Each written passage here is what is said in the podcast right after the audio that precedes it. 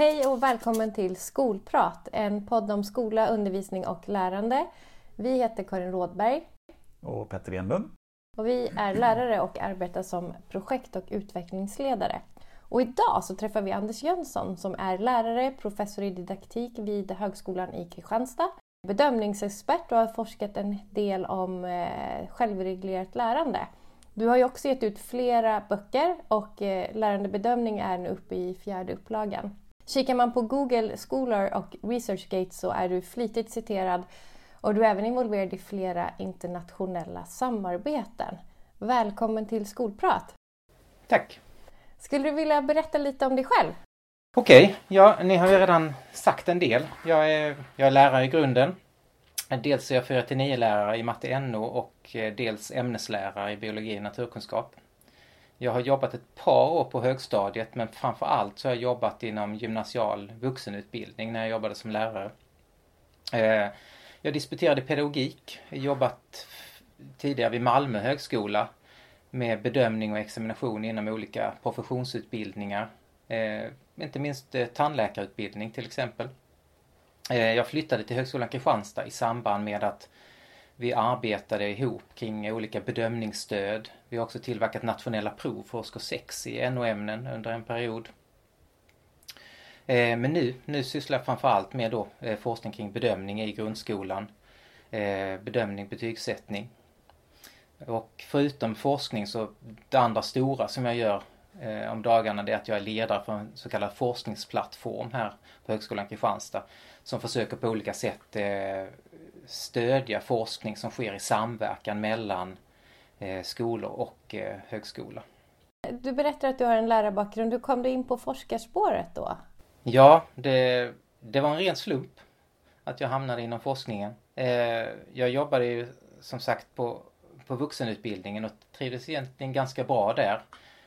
Men man skar ner kraftigt under en Eh, en period. Vilket gjorde att vi lärare som jobbade där, vi posterades ut på olika skolor runt om i kommunen. Och jag hamnade på en skola där, eh, ja vad kan man säga, den, den styrdes rätt så hårt av ett fåtal äldre lärare som hade jobbat där sedan skolan startade. Eh, jag vet inte, det är väl preskriberat nu för tiden så man vågar väl säga det. Men det, en lärare till exempel, det första han gjorde var att visa in mig en hemlig vrå där han hade kopierat upp hundratals ex exemplar av en bok som hade slutat ges ut för 20 år sedan för han vägrade ge upp den boken. Eh, så att, ja, alltså förändring stod inte högt på, på listan på den, på den skolan. Ja, ett exempel var också, jag, jag tog över en, årskurs 9 i, i matematik. Eh, och de bara satt i bänkarna och stirrade liksom tomt framför sig som, som zombies. Så när man frågade så var det liksom att ja, ja, det, det är ju så. Eh, matte är ju inte mycket att göra åt. Det är ju ett tråkigt ämne. Det är inte ditt fel. Ta inte åt dig. Eh, men vi inser att det finns ingenting att göra så att ja. Eh, så att det fick man ju. Vilken uppgivenhet! Ja, verkligen. Eh, vilket å andra sidan då blev en sporre för, för mig att försöka vända den den utvecklingen då lägga om undervisningen. Så att det var, det var ett spännande år jag jobbade där för det var väldigt mycket som hände och också sån här tårdrypande avslutning liksom där elever kom fram och så att de, åh, vi visste inte att det kunde vara, vara spännande och roligt att lära sig matte och, och så. Så att det var, det var kul. Men det var också så att, att, att arbetet med de här lärarna funkade ganska dåligt. Eh, det var vissa som slutade prata med mig efter ett par veckor eh, när jag inte ville vara med och göra de här gemensamma matteproven till exempel man hade på skolan och sånt. Så att, så att det blev ohållbart att, att jobba kvar där även om det funkade bra med, med många av eleverna. Så att det var en ren slump. Jag, jag snubblade över en annons från Malmö högskola om eh, eh doktorandtjänster. Jag hade aldrig talat om att man kunde göra någonting sånt tidigare. Jag visste inte att det fanns. Men tänkte att okej, okay, jag, jag kan väl prova. Och det här med, med bedömning då, hur, hur kom det sig att du liksom kom in på den? Du, du nämnde Kristianstad och du nämnde samarbete med, med lärarna där och, och, och, och eh, lärarutbildningen. Men hur kom det sig att du liksom zoomade in på bedömning så småningom? Ja, det var också en slump. Eh, dels så var det så att, att när jag gjorde min, eh, när jag skrev mitt examensarbete som gymnasielärare så, så handlade det om, om prov och bedömning.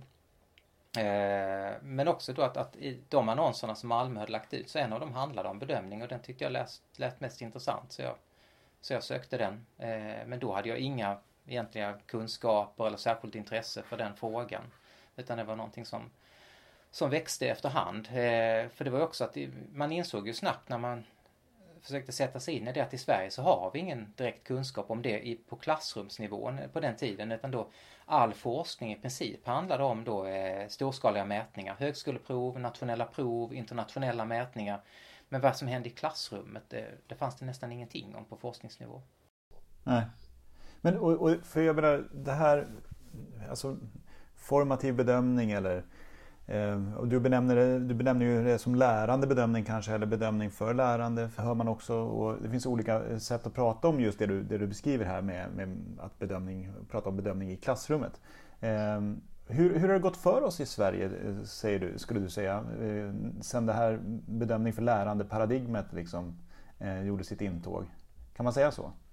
Ja, det kan man väl säga. Det blev ju, som sagt, det var ju formativ bedömning kan man säga, det var helt okänt i Sverige då eh, när jag startade detta. Det var ju, det fanns ju redan, det var väldigt utbrett internationellt men i Sverige fanns det ju i princip ingenting. Och jag, jag tror att en av de stora sakerna som hände var ju att, att det fanns eh, två stycken på Lärarhögskolan i Stockholm, Lars Lindström och Vivica Lindberg, som tillsammans med ett antal personer där och mig och, och Per Mål eh, satte ihop en bok som hette Pedagogisk bedömning. Jag tror att den var mycket startskottet för att börja prata om detta med då pedagogisk bedömning och formativ bedömning. Eh, mm.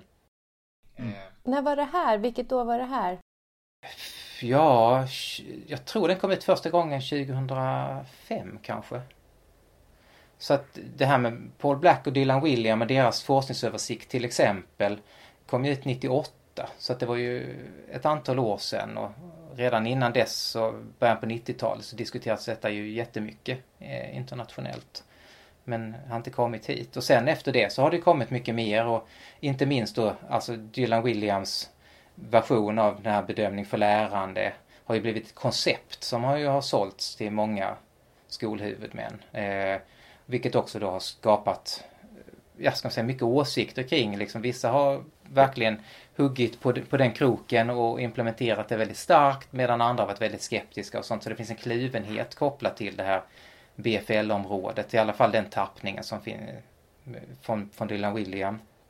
Men, men som jag, nu har ju inte, det är ju ingen som har gjort en kartläggning nationellt eller så, men det är klart att jag menar man, man är ute mycket på skolor, man träffar mycket människor så man får ju en, skapa sig en bild av hur det ser ut och man kan säga att det finns ju inte ja, sådana jättedjupa spår kanske i, i svensk bedömningspraktik efter det här intresset med formativ bedömning. I den senaste boken som jag har skrivit tillsammans med eh, en som heter Per Lövås från, från Norge eh, resonerar vi om detta därför det ser likadant ut i Norge i princip. Just att, att det som har hänt idag är att vi har en strid ström av små, korta, summativa bedömningar. Så att det är det som har blivit av den formativa bedömningen är att det finns, att du har de här små korta istället som he, så eleverna bombarderas kontinuerligt av betygsgrundande eh, bedömningar. Vilket har, det har sina fördelar därför att de, det får dem någon, du tvingar dem lite grann att hänga på hastigheten i undervisningen. Eh, men det har också en hel del nackdelar. Eh, så att, ja, och det, detta beror ju delvis på det här med att, att vi har väldigt starka summativa ramar i Sverige det vi, har mycket, det vi vill gärna ha tidigare betyg, vi har mycket nationella prov, så mycket fokus ligger på den summativa, så det är inte konstigt att det blir på det viset. Men vi har också då den här provtraditionen som vi har med oss. Vi har ändå sysslat med prov eh, under större delen av 1900-talet. Så det har varit en väldigt stark del av, av lärarna. Där finns ju beskrivningar av det. Eh, en av de roligare är ju av Bengt Säljhed som skrev en, en avhandling som handlar om hur lärare uppfattar betygssystem. Och det också beskriver den här historiska delen om hur liksom de här, ska man säga, det man kallar för psykometriska tester, IQ-tester och liknande får genomslag först i den pedagogiska forskningen men sen också glider in i, i klassrummet på olika sätt. Eh, och det handlar väldigt mycket då om att, att räkna eh, medelvärden och standardavvikelser på, på prov och provkunskaper. Och det har satt ganska djupa spår i hur vi tänker och resonerar kring bedömning i, i Sverige som fortfarande lever kvar. Jag, jag, jag, läste någonstans att, att bedömning för lärande i Sverige har blivit en praktik där man som lärare försöker påverka elevens sätt att tänka. Eh, I mycket högre grad än att man som lärare förändrar sin undervisning utifrån de resultaten som eleverna når. Skulle du liksom vilja kommentera det? Jag vet inte, det vågar jag inte riktigt svara på. Eh, men det man har sett internationellt eh, och i viss mån nationellt när man har gjort sådana utvärderingar är att alltså den stora förändringen som sker av, har skett av de här satsningarna har ju varit att, att fler lärare går in med inställning att alla barn kan lära. Det har varit en sån där öppning i detta. Eh, och att man, att man i högre grad diskuterar undervisning med kollegor. Så det har varit mer på det planet som, som detta har gett förändringar men det har inte gett så stora förändringar i själva undervisnings eller bedömningspraktiken.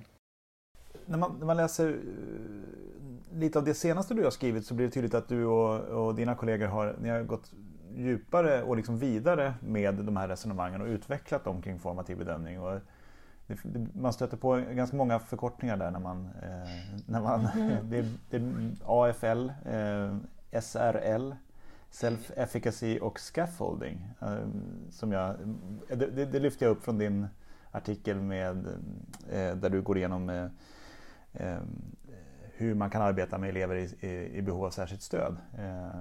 Mm. Skulle du vilja breda penseldrag, ta, ta oss igenom hur hänger, det här, hur hänger de här områdena ihop och, och vad är det här för begrepp som, som du pratar om? Det är verkligen ingen lätt sak att göra kan jag säga bara först. För att det, detta är, som, det är en rätt så komplex eh, utveckling som har vuxit fram. Men, men de där breda penseldragen är ju det, det alltså där, redan tidigt så, så framstod det ju i detta med formativ bedömning att det finns, det finns två grundläggande sätt att, att ta sig an detta. Det ena är att, att, att eleven själv skapar kontroll över sitt lärande genom att då, som man får återkoppling på det man gör och, och så på något vis så försöker du hantera den återkopplingen genom att Eh, att då utveckla ditt sätt att arbeta på olika sätt och, och, och bygga vidare och att, att det då liksom just skapar en autonomi hos eleven, ett självdriv, ett, ett självreglerat lärande då den här SRL-förkortningen. Den andra sidan av detta är ju att, att, att det är läraren som utvärderar det eleverna gör och lite grann då kanske bakom kulisserna ändra saker så det är eleverna inte involverade i det utan det är hela tiden ett arbete som lärarna gör. Eh, och i olika länder och i olika sammanhang så har de här två fått olika tyngdpunkter. Och eh, i Sverige så är den här sistnämnda just att det är lärarens jobb att bedöma. Så läraren bedömer, läraren ger återkoppling, läraren följer eleven på olika sätt. Eh, medan eleven inte i, i, i samma utsträckning involveras i bedömningsarbetet. Och den, den här lärarstyrda delen har varit mycket starkare i Sverige. Eh, vilket har gjort att, att det här med att prata om att eleven ska ta ansvar för sitt lärande och utveckling, det har inte, det har inte tagit fäste här i Sverige på samma vis. Med, medan internationellt så lever det ganska starkt därför att mycket av det som man skrev fram i början och som, som startade hela rörelsen kring formativ bedömning internationellt hade ju den grunden att, att, att, att bedömningen ska vara frigörande för eleven. Eleven ska förstå vad är det som jag bedöms på och hur ska jag kunna använda det för att liksom då ta ansvar för mitt eget lärande. Och det, det gör då som sagt att vi fått en slagsida i Sverige. Eh, vilket då naturligtvis går ihop med detta som jag sa tidigare, att, att, att vi har de här summativa bedömningarna. För det, det, den summativa bedömningen är ju lärarens uppdrag. Och det blir just att då skjuter vi hela det här paketet med bedömning till läraren. Eh, och många lärare vi, eh, pratar ju om detta, alltså de är, alltså det är obekvämt och man vill inte riktigt släppa in eleverna i detta arbetet med, med bedömning av olika anledningar. Eh, men som sagt, de, de, senaste utvecklingarna internationellt på detta är, är, just att då, då har man teoretiskt sett kopplat ihop formativ bedömning med självreglerat lärande därför att man ser att det finns en väldigt stark teoretisk koppling som man då har försökt börja utforska eh, empiriskt. Och där har ju, jag har varit med en del av det, till exempel då eh, att, att vi har gjort till exempel en, en, eh, en metaanalys av övning i, eh, i självbedömning som vi då ser att, att om man övar elever i att bedöma det de själv har gjort så, så spiller detta över i väldigt stor utsträckning på deras möjligheter att ta ansvar för sitt eget lärande på olika sätt. Kan du ge ett exempel där? På, på vilket sätt skulle, skulle det där kunna visa sig eh, i den studien som ni... Det, hur spiller det över så att säga? Det, och det, det, är då man kommer in på det här lite besvärliga begreppet med, med self-efficacy som också är ett sånt där begrepp som vi inte hör särskilt ofta i Sverige men som är jättestort eh, utomlands inom det området då som kallas för educational psychology som, eh, som hanterar detta. Eh, det är mer, mer, ska man säga, kognitivt orienterad forskning. Men, men det, det man har sett är just att, att när eleven står inför för en uppgift så, så jag menar, man måste ju ta sig an den på något vis. Och, och då, då, då lutar man sig mot tidigare erfarenheter såklart. Att, jag menar, har jag löst den här typen av uppgifter tidigare? Har jag inte? Och beroende på erfarenheterna man har med sig så, så tar man sig an med olika engagemang, olika strategier.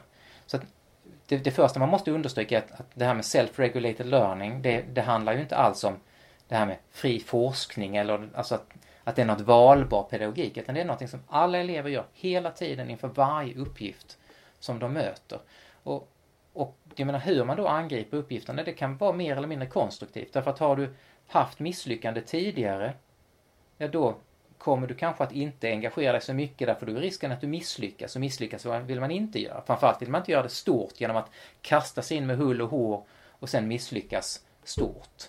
Eh, så att den här self-efficacy-grejen är, är, är, är, central har man sett i forskningen att, att den styr väldigt mycket hur eleverna angriper uppgifter. Och då ser vi också att om man då övar sig på att bedöma, vad kan jag? Genom att bedöma vad man har gjort, då får du en mer realistisk uppfattning av vad du kan och då kan du också då i högre grad ta till mer konstruktiva strategier för att ge dig på uppgifter. Istället för att, som många elever gör, när de möter någonting som verkar svårt, ja då backar de. Då säger de, ja, jag pallar inte göra detta, säger de. För därför det är typiskt, liksom, det är lättare att framstå som att man inte engagerar sig eller att man är lat än att man inte kan och att man misslyckas. Och just de här undvikande strategierna, jag lämnar inte in, jag engagerar inte mig, de minskar drastiskt om man eh, arbetar mycket med självbedömning. Om du skulle få ge dig på att översätta self-efficacy till, till ett svenskt begrepp, vad skulle vi säga då? Det går inte att få det i ett ord, tror jag inte i alla fall. Så att jag menar, vi, vi brottas ju med det därför att det som ett, ordet säger inte så mycket för svenskar. Eh, men det handlar just om att att det är din uppfattning om Uh, nej, det här kommer jag aldrig klara att sammanfatta. nej, men det är ju det är din uppfattning om hur väl du kommer klara en uppgift. Och det, det sista där är också jätteviktigt, att det handlar om en uppgift. Därför att många an, mer psykologiskt orienterade begrepp handlar ju om, om hur du är liksom i största allmänhet. Hur, ja, men hur bra är du i skolan? Ja, det är väldigt, väldigt svårt att svara på för det är ju olika. Det är olika från dag till dag, det är olika olika ämnen och så vidare. Men däremot om du sitter med en konkret uppgift. Ja, men den här uppgiften, har du mött den tidigare? Har du löst just sådana uppgifter tidigare, då kan du mycket lättare göra en realistisk skattning av detta. Så att just det faktum att den befinner sig på uppgiftsnivå är centralt i detta. Det som jag verkligen slås av här, alltså det, det, då kommer vi såklart till det sista begreppet där också, scaffolding. Ja. Men, men innan, innan det begreppet så tänker jag på jag tänker på att på ytan så kan det ju se ut som att eh, självreglerat lärande låter som, som, eh, som någonting som du, som du började med att säga så här, det här är fri forskning, eget arbete, hela, ja. där, hela det där liksom, eh, snacket om att elever får klara sig på egen hand. Liksom. Men, men det här är ju väldigt ämnesspecifikt, det är väldigt ämnesanknutet, det är väldigt uppgiftsspecifikt. Och det är väldigt tydligt fokus på att läraren har en aktiv roll i det. För just det här också att hitta strategier, det är ju ingenting som eh, elever som inte har tränat och fått stöttning i gör, utan det är mm. också mm. en väldigt läraraktiv process att liksom strategier för lärande, vad, vad handlar det om? Hur kan, alltså, mm allting kräver ju ett enormt, en stor medvetenhet och ett stort lärarstöd. Det är inte så dumt att, att, att reflektera tillbaka till när man själv befinner sig i de situationerna. Och det, det tycker jag det har hjälpt mig jättemycket i mitt arbete därför jag, jag har gjort sådana övergångar. Eh, till exempel, alltså jag, jag har en naturvetenskaplig grundutbildning eh, och jag såg mig länge som någon form av naturvetare och tyckte om det sättet att tänka och, och arbeta. Men gick sen över då för att gå en forskarutbildning i ett samhällsvetenskapligt ämne. Och det, det var en minst sagt smärtsam upplevelse, liksom just det här att, att, att helt plötsligt står det helt nytt. De har helt andra sätt att, att då, jag, jag vet min, min handledare tvingade mig att gå någon kurs i Göteborg med samhällsvetenskapliga teorier. Eh, och där var det just sånt där att de, ja men då får ni liksom, då får ni läsa det här och så ska ni reflektera över det. Och liksom, men vad menar de med att reflektera? Vad betyder det för någonting? Och vad, vad förväntas jag göra? Alla andra bara kastar sig över de uppgiften och, och jag fattade ingenting. Eh, så att jag menar, och det, det är ju där återigen, det är där eleverna befinner sig i de här olika ämnena. Och att, att man då kan ge den typen av stöd i att, ja men när, jag, när vi pratar om att vi ska reflektera över detta, då är det de här sakerna. Och det, mycket av, av min forskning har, har också präglats av den här just med hur arbetar vi med tydlighet och hur arbetar vi med strategier kring detta. Just för, dels för, tror jag, för mina egna upplevelser då i, i detta men också att vi har ju sett att när vi arbetat med detta med till exempel då lärarstudenter så genom att ge den typen av redskap så ser vi att det är helt andra studenter som blommar upp och lyckas. Därför att det inte handlar inte om att de inte hade den begåvning eller den nödvändigtvis ens de kunskaperna som, som begränsade dem, utan det var just strukturen. Vad är det som förväntas av mig? Och är det klart och tydligt, ja då är det många fler som kan, som kan vara med i matchen och, och göra någonting. Så så sätt så tycker jag att just de här typ, det är väl mycket därför jag fastnar för den typen av just strategiarbete eh, kring utbildning. Det är ju väldigt tydligt kopplat till scaffolding. Ja, det är det ju. Det är ju, det är ju, det är ju vad scaffolding är, eller? Ja, nej men det är det ju. Scaffolding tycker jag, det är ett bra ord. Det är återigen ett problem med, med svenska liksom. För det finns inte heller någon bra, bra översatt. Folk har ju försökt.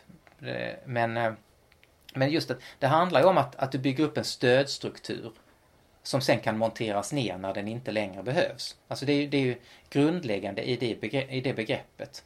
Eh, och det, den kan ju se väldigt olika ut men, men just kopplat till, om vi då återkopplar den till, till formativ typ bedömning så ser man just att återkopplingen har ju den rollen genom att du hela tiden som lärare ser till att, att ge återkoppling på det som eleven gör medan de arbetar.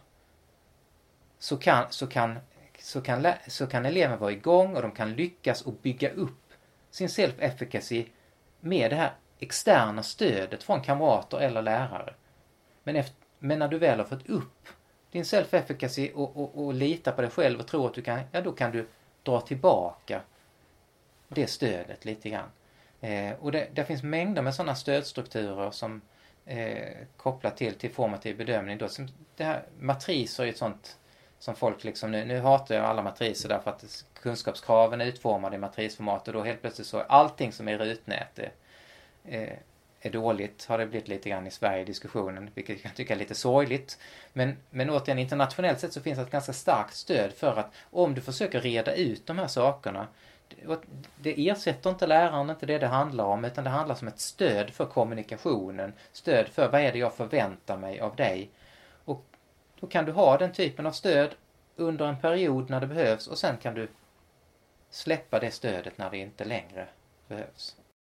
Jag, jag, nu var det ett tag sedan jag undervisade men eh, jag använde en sån här, en, eh, vad ska man säga, ett flödesschema nästan med, med rutor där, där jag använde olika eh, eh med kulturella, ekonomiska, politiska och sociala orsaker. Eh, och, så, och så hade jag orsak, eller händelsen i mitten och så hade jag mm. orsaker och så konsekvenser. Och så att jag, liksom, det vart en schematisk liksom, bild av, som eleven kunde liksom, tänka utifrån och resonera utifrån. Mm. Eh, och just som du säger, det var någonting som vi kunde samlas kring eh, i ett visst ämnesområde och prata så här, ja, men om vi tittar på den här rutan, liksom, vad, vad, hur skulle du vilja beskriva det skeendet eller den här händelsen då? Eh, och, och det, det, är väldigt användbart, precis som du säger, som ett stöd för kommunikationen mellan lärare och elev. Men du har ju samarbetat med en del forskare internationellt där ni har beskrivit processen kring och metoder för och forskningsläget kring det självreglerade lärandet. Och det är ju stort i, i internationellt men vad tror du att det beror på att vi hör så lite om det i Sverige? Ja, jag, jag tror som sagt att, att det, det, finns lite olika förklaringar. Det, det, ena har vi redan varit inne på. Det är just att, att det är ju... Vi har ett väldigt starkt provfokus i, i Sverige. Vi har en väldigt stark sån, sån provtradition och att det då just att bedömningen hamnar hos, hos läraren. Eh, och det, det, påverkar ju detta med att, att, att, elevens autonomi är inte, det är inte det som står i centrum när vi pratar om, om, om utbildning här. Eh, men, det, men det är också sådana grejer som att, att, att vilka teorier arbetar vi med inom lärarutbildningen till exempel. Eh, lärarutbildningen är väldigt Alltså den är väldigt olika på olika lärosäten så det är svårt att liksom generalisera. Men, men det finns rätt så många saker som tyder på till exempel att, att, att då sociokulturella lärandeteorier, eh, utbildningssociologiska teorier är det som, väg, som, som arbetas mest med i lärarutbildningarna. Medan mycket av det vi pratar om här då som, som säger det, det tillhör då det här fältet educational psychology och det är mycket mer kognitivt orienterat och det har inte alls samma utrymme. Eh, så att vi skulle behöva en bättre balans kanske, för jag menar då sociokulturella teorier och utbildningssociologiska, det handlar, hela, det handlar om grupp och organisation. Men det handlar väldigt lite om individ. Eh, så att vi har lite grann en slagsida här där vi skulle behöva ha mer fokus på, på individerna. Eh, för att det är då vi får syn på. För det, det är ju ändå så att eh, vi undervisar i grupp, ja, men eleverna reagerar ju som individer. Och då skulle vi också kunna be behöva bemöta det. Eh, och jag, jag tycker själv då att, att just de här begreppen som sagt som self-efficacy och självreglerat lärande och sånt eh, ger mig ganska bra redskap som lärare för att, att förstå hur, hur reagerar eleverna och hur kan jag parera den reaktionen på olika sätt. Eh, och sen går ju detta då ihop, för jag menar just att det här idén med scaffolding till exempel, den är tydligt förankrad i sociokulturell teori. Där alltså just att vi tänker oss att, att, vi, att den här lärandet går lite grann utifrån och in. Det är genom de här strukturerna vi pratar om, återkopplingen, som, som, så, vi, som vi kan bygga in så att vi kan föra ett inre samtal efterhand som elever. Men det går, de här strukturerna kommer utifrån.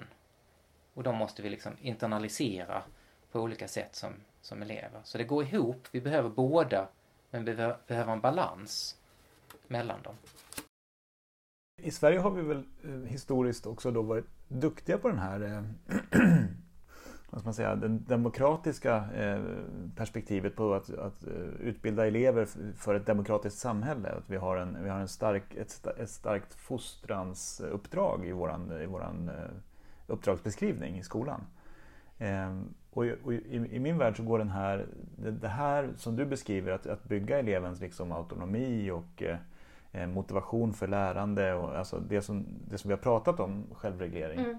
Eh, det går ihop så mycket med den typen av liksom, värdering. värdering ja. Att liksom bli en självständig medborgare i, i, en god stat på något vis.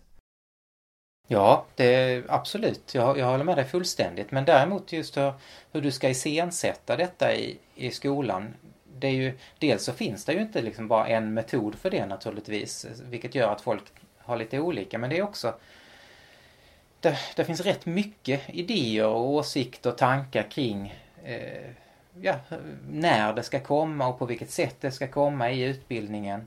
Eh, jag menar, för vissa så handlar det om just att, att allting bör handla om detta. Att du ska bli en, en, ja du är redan som barn så är du en samhällsmedborgare. Och att, att det då liksom, vi ska arbeta utifrån eh, att, att vi är en del av samhället redan från dag ett och att detta ska genomsyra utbildningen. Det är ju ena extrempunkten medan andra liksom, ja, skjuter det lite grann framför sig. Och, och jag menar det typiska som, som, som når mig idag när, när i, i samtalet om skolan handlar mycket mer om att ja men det där får komma av sig själv efter skolan utan nu bygger vi grunden i skolan så att, att du har med dig tillräckligt med faktakunskaper för att liksom ut, men det demokratiska medborgarskapet det, han, det hamnar någon annanstans utanför skolan.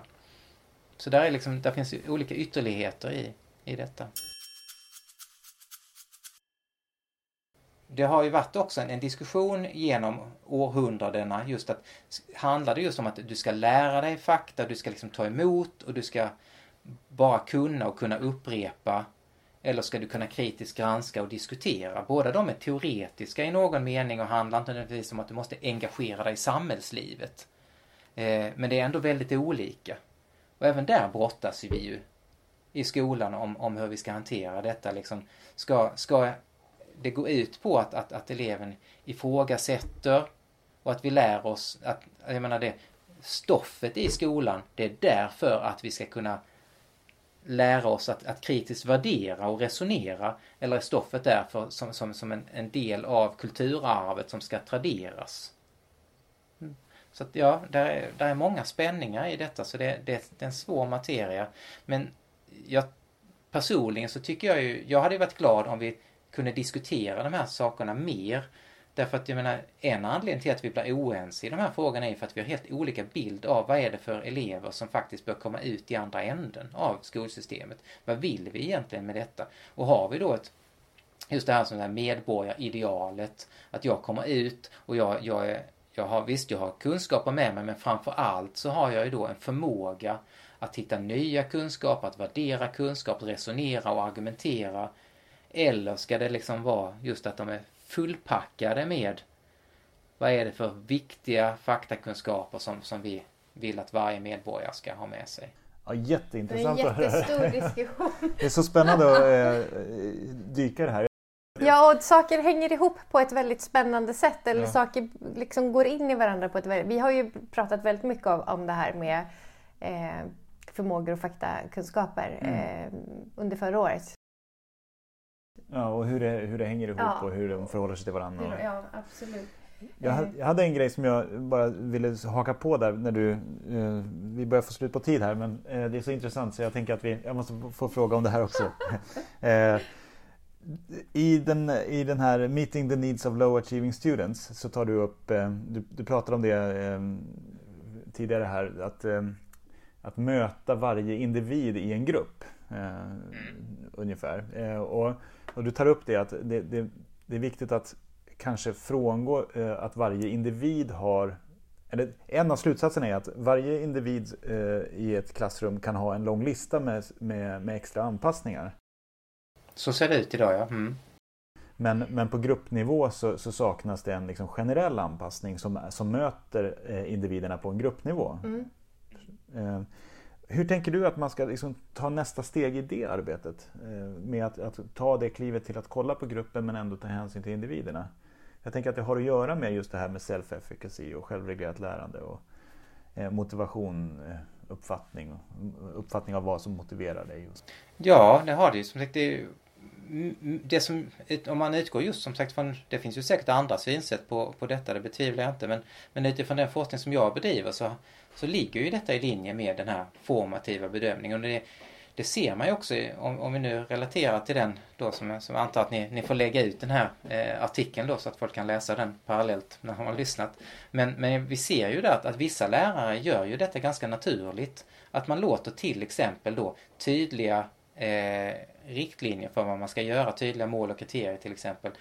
Men också återkoppling var en så naturlig del av det man gör i klassrummet. Så att då, då uppstår inte de här problemen därför där finns en hela tiden en kontinuerlig stöttning som en del av, av hur man arbetar. Medan i andra klassrum så har du inte alls det utan då, då är det mycket mer den här, det vi såg i alla fall i de, de, de intervjuerna som vi gjorde med lärare, att det var mycket mer monologiskt i de klassrummen. Att det handlar om att just att läraren ska skicka ut till eleverna och så får de hantera det och det är lite grann deras problem att ta emot det. Eh, men där vi också då ser att, att, att de får också väldigt stora problem med just motivationen hos eleverna därför eleverna förstår inte poängen och det, och det tolkar man då ofta som att, att eleverna tycker att det är tråkigt med ämnesinnehållet. Men det är inte nödvändigtvis alls det det handlar om utan det handlar om att just att de, de känner inte att, att de möts på den nivå där de befinner sig det, det är alldeles för långt ifrån. De har inte de resurserna och de, de förstår inte strategierna i detta. Så att återigen, det kommer ju tillbaka till detta med den här tydligheten i vad är det egentligen jag vill att du ska göra med de här kunskaperna? Och där, där det är vissa klassrum så är detta outtalat.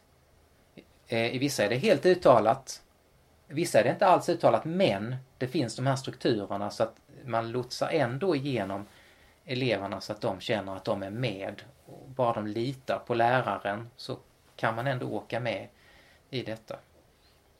Ja men precis, för det beskriver ni också. Att det, Ja. går, det går inte bara att bygga en relation och sen så, sen så strunta i de andra Nej. delarna med, med att få eleverna att känna sig kompetent och alltså få uppleva autonomi och de bitarna. Utan Avsnittet med Albulena, en av våra lärare, en väldigt skicklig lärare, hon pratar ju också om den här tydligheten och strukturen och där inne finns mycket kärlek och relationer. Mm. Hon beskriver ju det så bra, Mm. varför hon lyckas så bra tillsammans med sina elever och det är precis vad du också säger Anders. Mm. Men du, du är ju eh, en av fem forskare som ingår i Kunskapsskolans vetenskapliga råd. Ett Ja. råd som har syfte att bidra till utveckling av en skola på vetenskaplig grund. Hur kom det sig att du valde att tacka ja till att delta? Ja, alltså för mig så det, ligger det ganska naturligt i det som jag redan arbetar med. Eh, under hela min karriär som, som forskare så har jag haft eh, väldigt tydliga kopplingar till detta just med att, att bygga skola på vetenskaplig grund. Eh, och vi har då vi har haft satsningar här i Skåne till exempel med något vi kallar för tankesmedjor. Där vi då med läste litteratur tillsammans med verksamma lärare och diskuterade under en period och sen skrev, skrev vi det i någon form av liksom reflektiv rapportform. Jag har varit med i väldigt många olika eh, heter det, forskningscirklar där då lärare gör eh, små empiriska studier i sin egen, sitt eget klassrum som man då diskuterar och analyserar tillsammans med forskare och andra eh, lärare. Jag har varit handledare för, för lärare som, som går forskarutbildning. Så på väldigt mycket den typen av aktiviteter som anknyter till detta för att koppla ihop vetenskap med, med skola. Och nu det senaste då som sagt är den här plattformen som vi har byggt upp här i Kristianstad där vi då eh, underlättar praktiknära forskning där då, där då verksamma i skolan kan få lov att komma in med idéer om att det här tycker vi skulle vara spännande att utforska. Så har vi någon form av eh, vad heter det, matchmaking här. Okej, okay, Okej, men har vi någon forskare som sysslar med detta och kan vi då gemensamt hitta frågeställningar som skulle vara intressanta att studera till exempel. Eh, så egentligen alla sätt som vi kan hitta mötespunkter mellan akademi och skola tycker jag är intressant där man då liksom är lyssnande från båda hållen.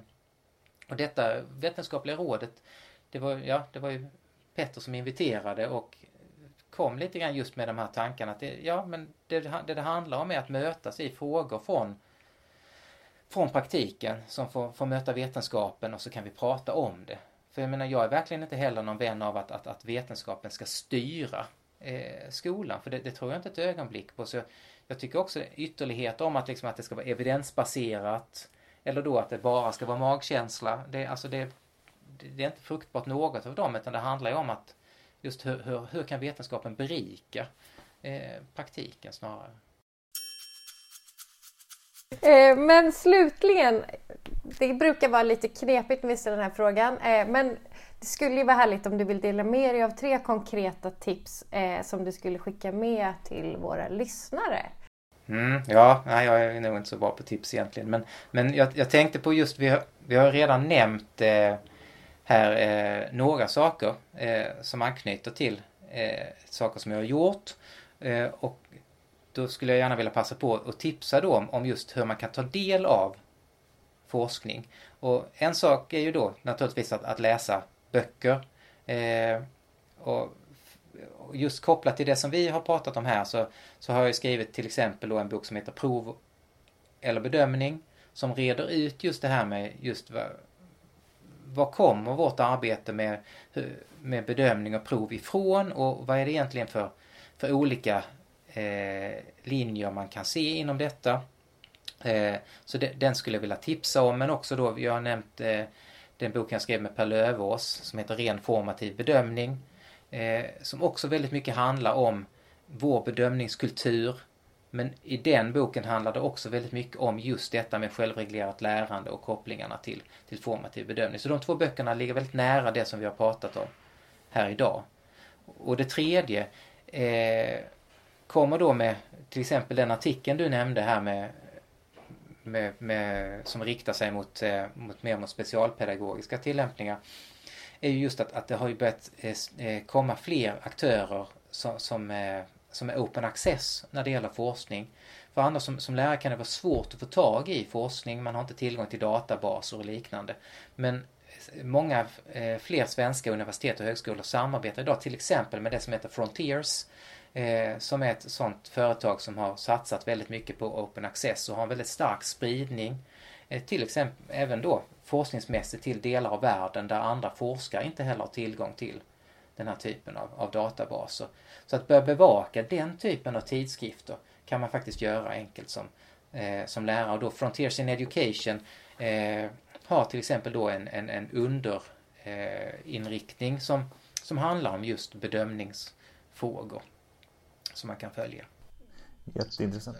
Och då, då kommer vi kunna lägga upp länkar till det här i, ja. i poddavsnittets eh, omtext. Eh, ja. Så då kan vi eh, se till att man kommer rätt direkt. En annan, ja, jag, jag får ju Tack. lite blogginlägg från dig via, jag har prenumererat tror jag, eller jag vet inte, det gör jag kanske. Men jag läser din blogg i alla fall, det är också ett bra tips. Ja, ja det är bra. Jag, jag är inte så aktiv på den just nu därför att de, de, jag har eh, hoppat på och fungerar som redaktör åt eh, Skola och samhälle. Det kan ju vara ett annat tips också, eh, som är en nättidning. Eh, och eftersom då har jag fått lite mer fullt upp med den så, så skriver jag inte lika mycket aktivt på min egen blogg. Men, men med www.skola.samhälle, vad heter är tips också. Och den kan man också prenumerera Jättebra på. Tips, ja. Jättebra tips. Ja, strålande. Ja, men strålande. Tusen tack för ett väldigt intressant samtal som skulle kunna fortsätta lite längre. Ja. Men, men vi, får, vi får avsluta nu. Tack så mycket Anders Jönsson för att du kom. Ja, tack själv. Tack. tack.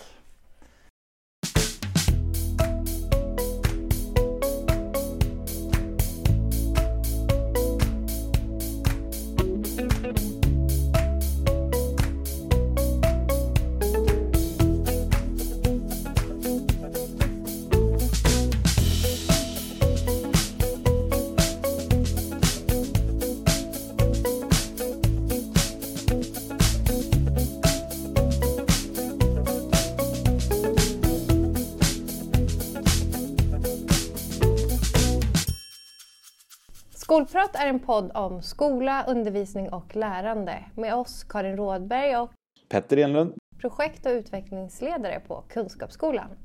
Tack för att ni lyssnat!